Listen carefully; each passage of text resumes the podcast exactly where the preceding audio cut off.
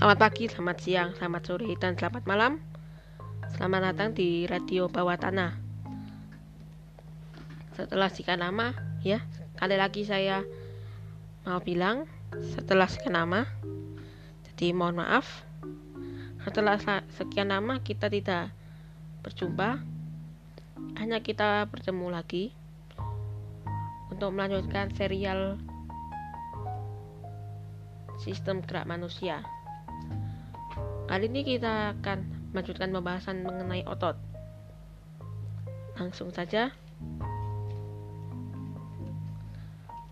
Otot lebih sering kita namakan daging. Otot merupakan jaringan penggerak yang dapat menggerakkan bagian tubuh dengan cara berkontraksi. Otot mampu menghasilkan gerak karena adanya sel-sel otot. Karena itulah, sehingga otot bisa untuk menggerakkan tulang. Maka otot juga bisa disebut sebagai alat gerak aktif. Sel-sel otot yang kita punya itu seperti menggabung membentuk serabut-serabut otot. Kumpulan serabut-serabut otot ini tentu membentuk otot. Nah, kemudian ada apa sih? Ada berapa sih macam-macam sel otot? Kita coba cek di segmen selanjutnya.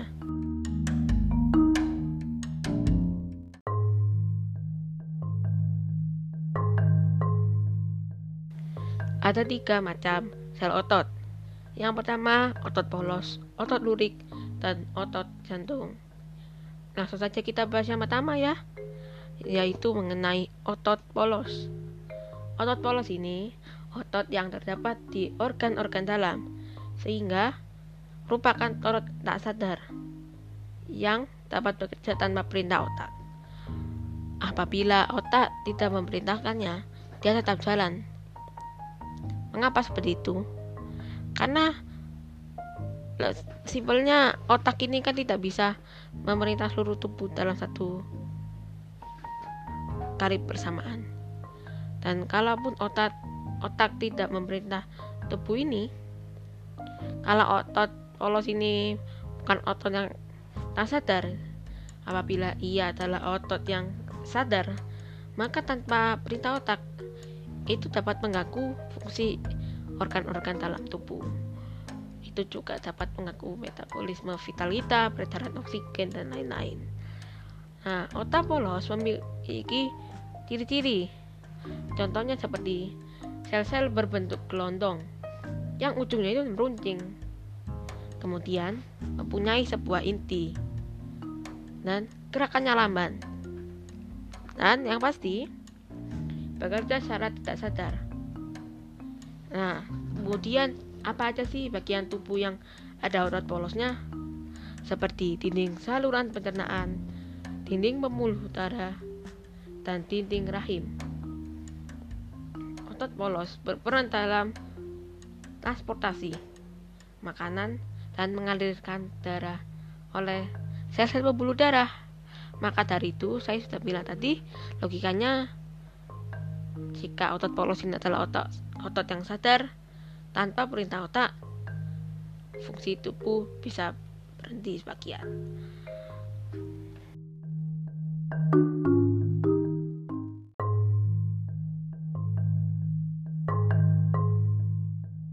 Selain otot yang tak sadar, tentu ada otot yang sadar. Jadi di sini ada dua. Oh, yang pertama adalah otot lurik. Kemudian satunya nanti saya jelaskan ya. Pertama ada otot lurik. Otot lurik ini disebut juga sebagai otot rangka karena mengapa otot ini pasti nempel dengan rangka. Wujud otot rangka ini terdiri dari jaringan ikat. Disebut urat. Tendon. Bukan tendon. Di mana berfungsi untuk mengikat tulang supaya jika otot berkontraksi tulang itu bisa berangkat bisa bergerak. Nah dari situ kita bisa lihat ciri-ciri otot lurik itu seperti apa. Yang pertama sel-sel otot otot lurik itu panjang Kedua, adanya garis pelintang gelap terang saling bergantian sehingga menyerupai lurik. Makanya dari situ itu disebut sebagai otot lurik. Kemudian yang ketiga, memiliki banyak inti. Yang keempat, gerakannya cepat dan menyebabkan timbulnya gerakan tubuh. Yang terakhir, bekerja secara sadar. Nah, ini disebut otot sadar.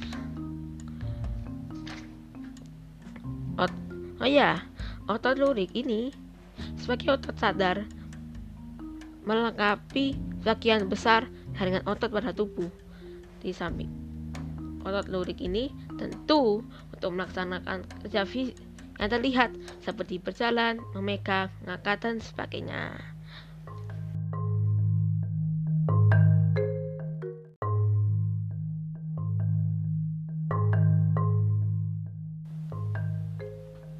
Selanjutnya yang terakhir adalah otot jantung. Otot jantung adalah otot yang terdapat di jantung. Bentuknya seperti otot lurik, bentuk stylenya, tetapi bekerja secara tidak sadar. Ya, tidak sadar. Tidak seperti apa yang sudah saya sebutkan tadi di bagian otot lurik. Ya, betul. Tidak sadar, saya ulangi, tidak sadar seperti otot polos otot jantung merupakan satu-satunya otot yang tidak pernah berhenti bekerja. Sehingga ototnya mesti kuat. Maka dari itu ciri-cirinya jelas terdapat peta jantung. Bekerja secara tidak sadar dan terdapat garis-garis melintang berwarna gelap. Begitu. Nah sekarang kira-kira mengenai apa lagi ya? Mengenai otot-otot berdasarkan tujuan kerjanya.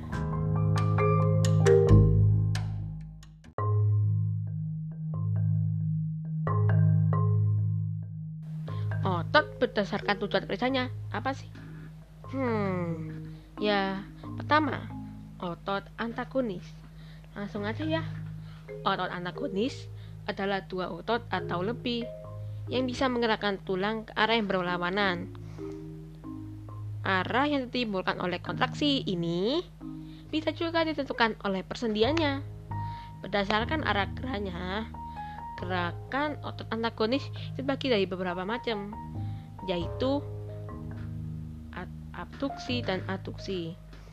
Abduksi adalah gerakan anggota tubuh yang menjauhi sumbu tubuh.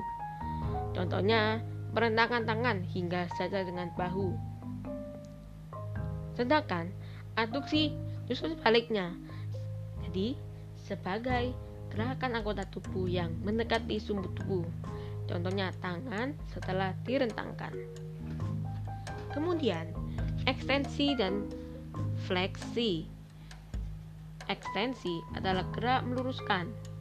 Nah, sedangkan fleksi sebaliknya, yaitu gerakan menekuk.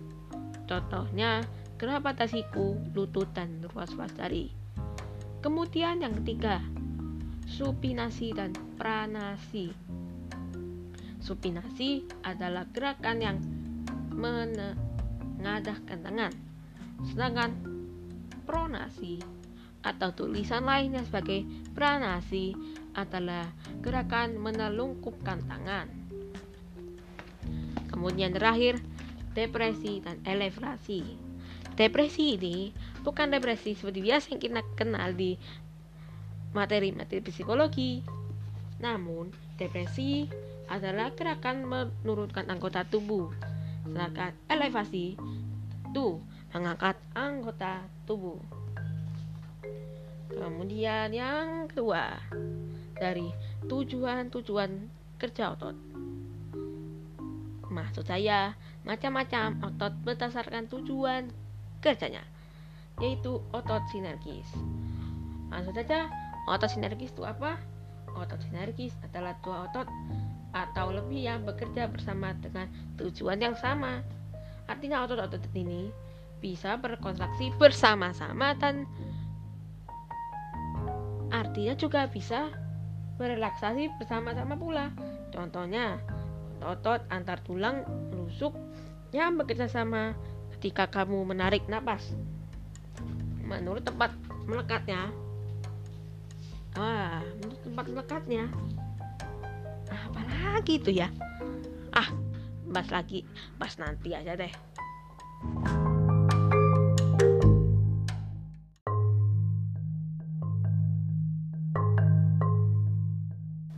Tapi kalau dipikir-pikir, nanti para pemirsa pasti bingung dan penasaran tentang melekat. Kira-kira apa hubungannya lekat-lekat ini dengan dunia otot? Nah, apa ya? Ternyata ada dua. Menurut tempat melekatnya, otot dibedakan menjadi origo dan insersi. Dari origo dulu. Origo adalah ujung otot yang melekat pada tulang-tulang yang tidak bergerak ketika otot berkontraksi. Kemudian yang terakhir, inersi. Inersi adalah bagian ujung otot lain yang melekat pada tulang yang bergerak ketika otot berkontraksi. Jadi, kira-kira perbedaannya mengenai ujung dan apakah dia bergerak atau tidak bergerak saat otot berkontraksi maksud saya yang bergerak tulangnya karena kan otot itu yang memulai pergerakan dari tulang coba dipikir-pikir gimana ya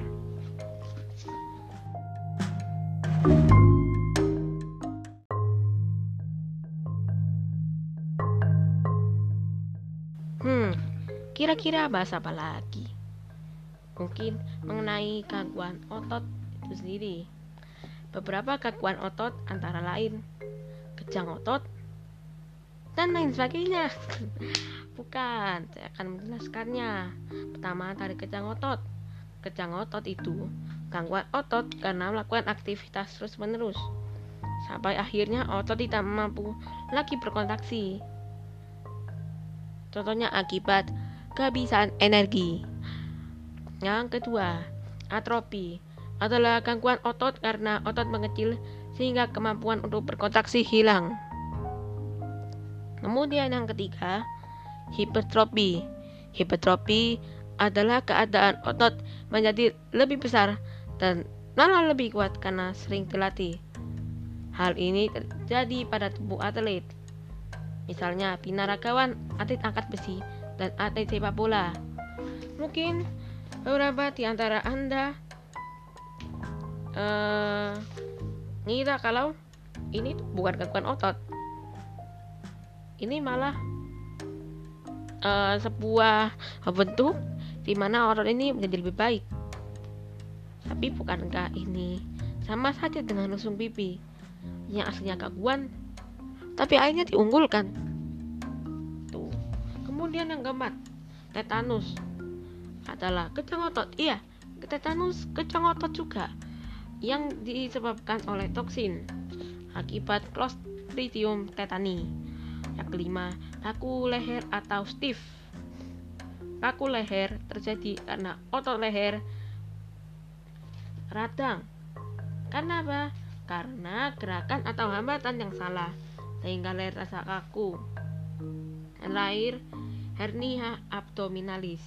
Hernia abdominalis adalah sobeknya otot dinding perut yang lemah sehingga usus melorot masuk ke rongga perut.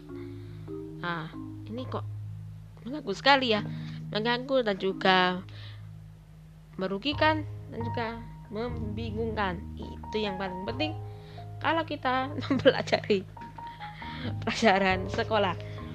Oke, apa lagi? Mari kita cek. Oke, saya jawab beberapa